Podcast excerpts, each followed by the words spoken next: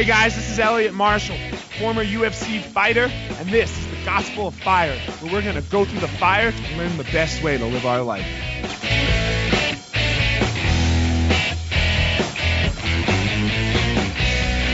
All right, here we are, episode eight of the Gospel of Fire. Um, man, I called I called Doug today. Doug's the guy who produces my uh, my podcast, and I said, Doug, I know we're scheduled for tomorrow, man. I know we're scheduled for tomorrow. I got a good guest. Neil Magny's coming on, but I gotta talk, homie. I gotta talk today. I just had a great I had a great morning. You know, I had a great morning. I have a, a guy in my neighborhood, and he hit me up, and he's uh got a this is craziness. Somebody just walked by my house and took a picture of my house. That was really weird. Anyway, sorry for that, everybody. Anyway, the guy hit me up, and uh, you know, we we know each other. We know each other. He's he lives in my neighborhood. Our kids are in the same class, and and he trains at one of my schools. I don't I don't I've never taught him a class or anything like that. And to be honest, we've always had this kind of awkward, you know, it's it's been a little awkward in the past. And uh, I don't know if that's me or that's him or or whatever it may be. Um, but it's you know it, it's been fine. It's been friendly, but it, it, has been awkward. So anyway, my GM Mike Tusigna makes my GM or my CEO or whatever he is. Yeah, he's something like that. He's the GM of one of my schools, but he's he's the boss man. He sat down for lunch with with this guy who whose name I'm going to leave out of, and he's like, Ellie, just go talk to him. You know, just go talk to him. He wants to talk to you. So anyway, so he hits me up. Um, I saw him on the first day of school when we dropped our kids off. He's like, I'd like to talk to you sometime. I'm running for a house seat, for a state house seat. I'm like, oh, cool, man.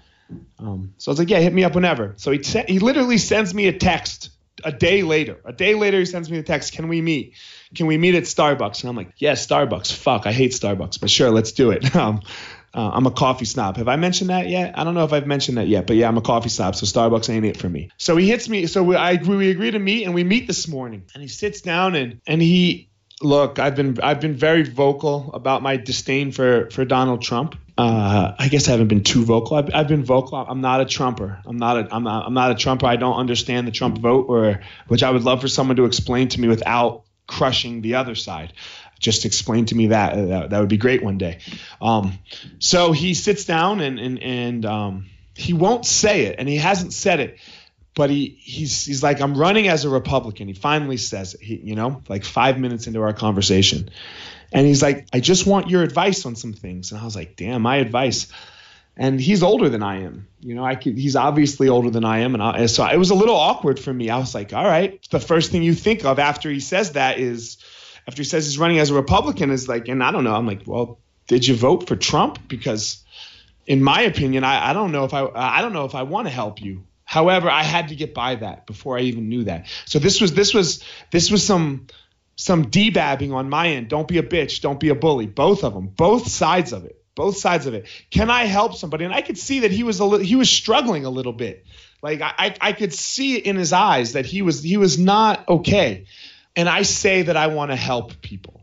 And I and I say this. So and there we were. You know, he he said that he was, you know, running as a Republican it, it turned me off. You know, to to be hundred percent honest, it turned me off immediately. And I got quiet for a while, but then I, I just had to, damn, I just had to listen and say, all right, how am I going to help him? What am I going to do? How, how am I going to help him? And the next thing, you know, a couple minutes in the conversation, he's like, I'm being crucified by my own people. I'm being crucified by my own people.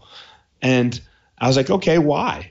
And he he explained his issue. He's an environmentalist. He's an environmentalist, and and it wasn't um, the party's platform was not what he agreed with, you know, and he was unsure of what to do. And I and so he was asking for some advice, you know, and we'll get to where he asked for more as well. And he asked me, "What do you think? What do you, you know?" And I was like, he's like, you obviously have run a successful business. Like I go in your school, it's amazing how everyone deals with people is amazing.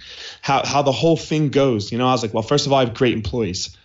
Second of all, I was like, we developed some core values for our school.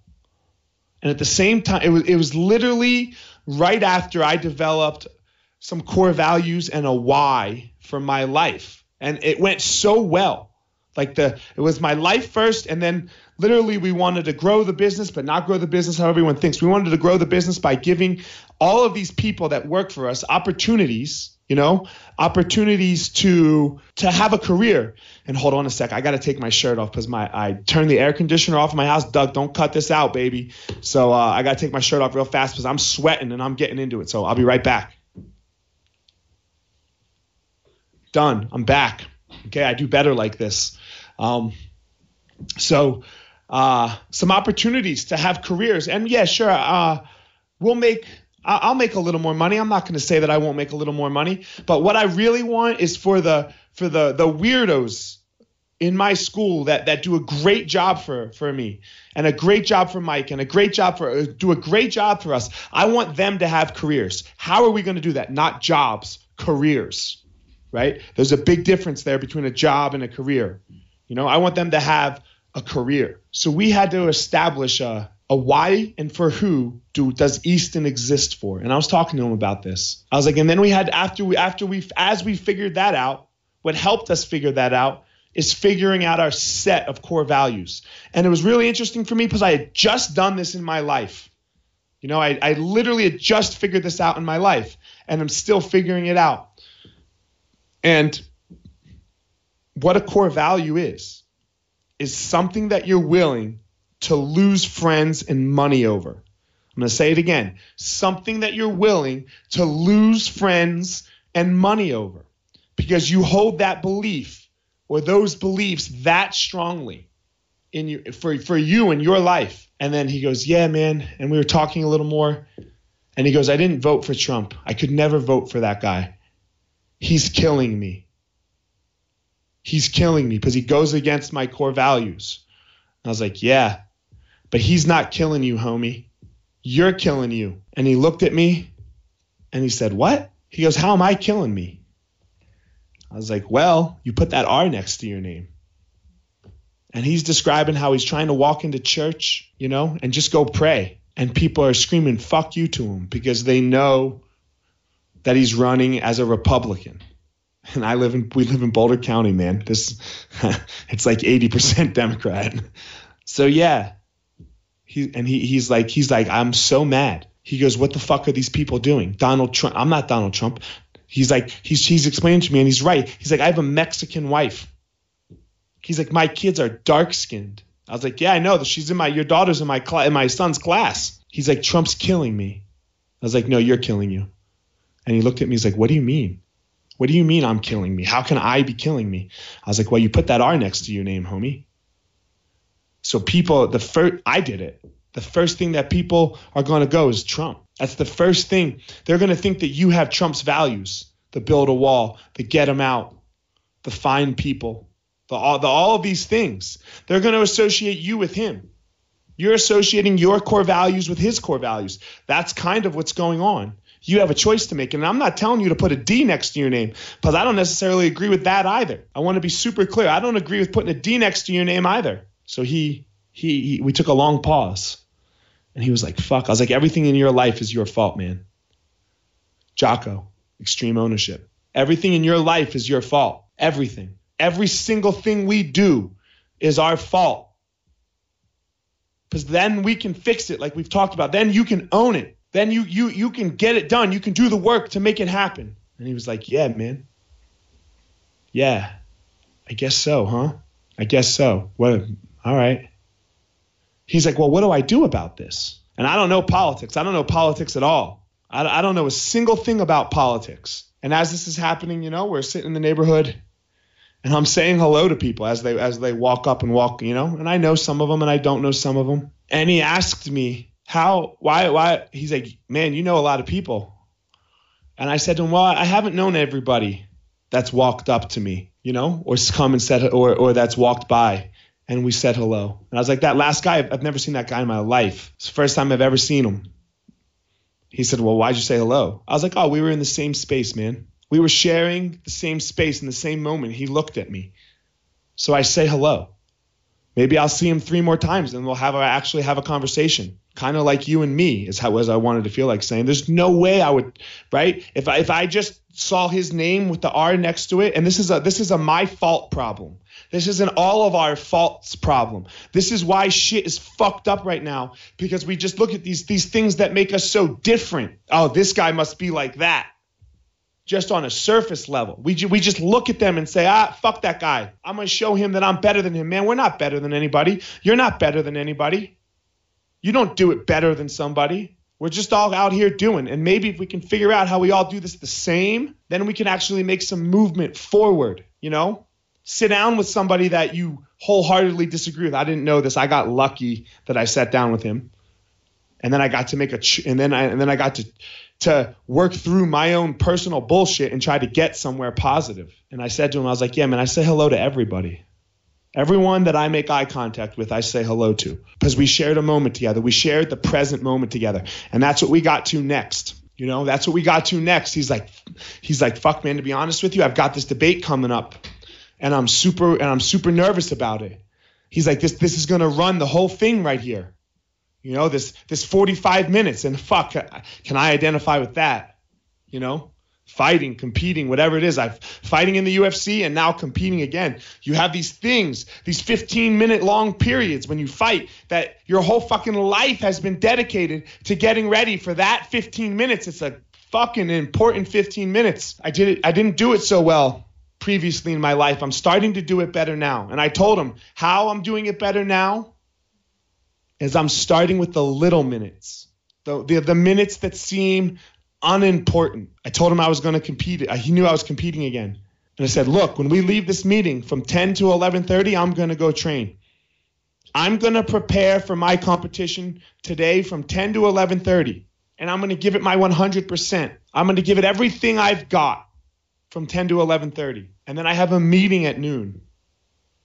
And I'm going to give that meeting everything I have. That meeting is going to make me compete better in a month, in three weeks. Why? Because I'm going to focus on that. That's what's going on. So you have to practice these little moments. You have to practice doing the best in the moments that you think aren't important. It's the only fucking moment we have. It's the only time that we have. We don't know that we don't know that our 45 minute debate is coming. I don't know that I'm going to get to my September 14th match, but I know I've got this right now. I know I've got this time when I'm doing this show, this podcast right now. So let's give it our best. So that way, when big moments come, when big moments come in our lives, you know how to be in a moment, not big moments, a moment. A baby doesn't just walk up, it's to come out of its mom and start walking. It takes time. It takes getting to its knees. Sit, first, it's got to sit up, put its head up. This, this is a process It doesn't just stand up. No, it's a process. You want to deal with big moments, you have to practice being present in the little moments. You have to practice being not being overwhelmed in the little moments of your day, in the boring ass fucking monotony of our day. Practice being aware of them. That way, when that big moment comes, you don't get overwhelmed because you practiced. Just a moment. You practiced a single moment that might have been, you know, less important on the grand scheme of things than other moments. It's why I say hello to people, because in that moment they looked at me. If they don't say hi back, oh well. But I want each and every moment that I have to, to be excellent. And the only way that happens, I can't count on somebody else to make the moment excellent. I can't count on anybody else to help me make the moment better. I hope they do. It's great if they do, but I have to show them how to do it. I have to show them how to do it. I have to show myself how to do it. I have to show my kids how to do it. And damn do I fucking fail. Damn do I fail sometimes. It's it's terrible. It sucks. I fail. I'm bad at this. I like to talk shit sometimes. And when I do so, I bring people down.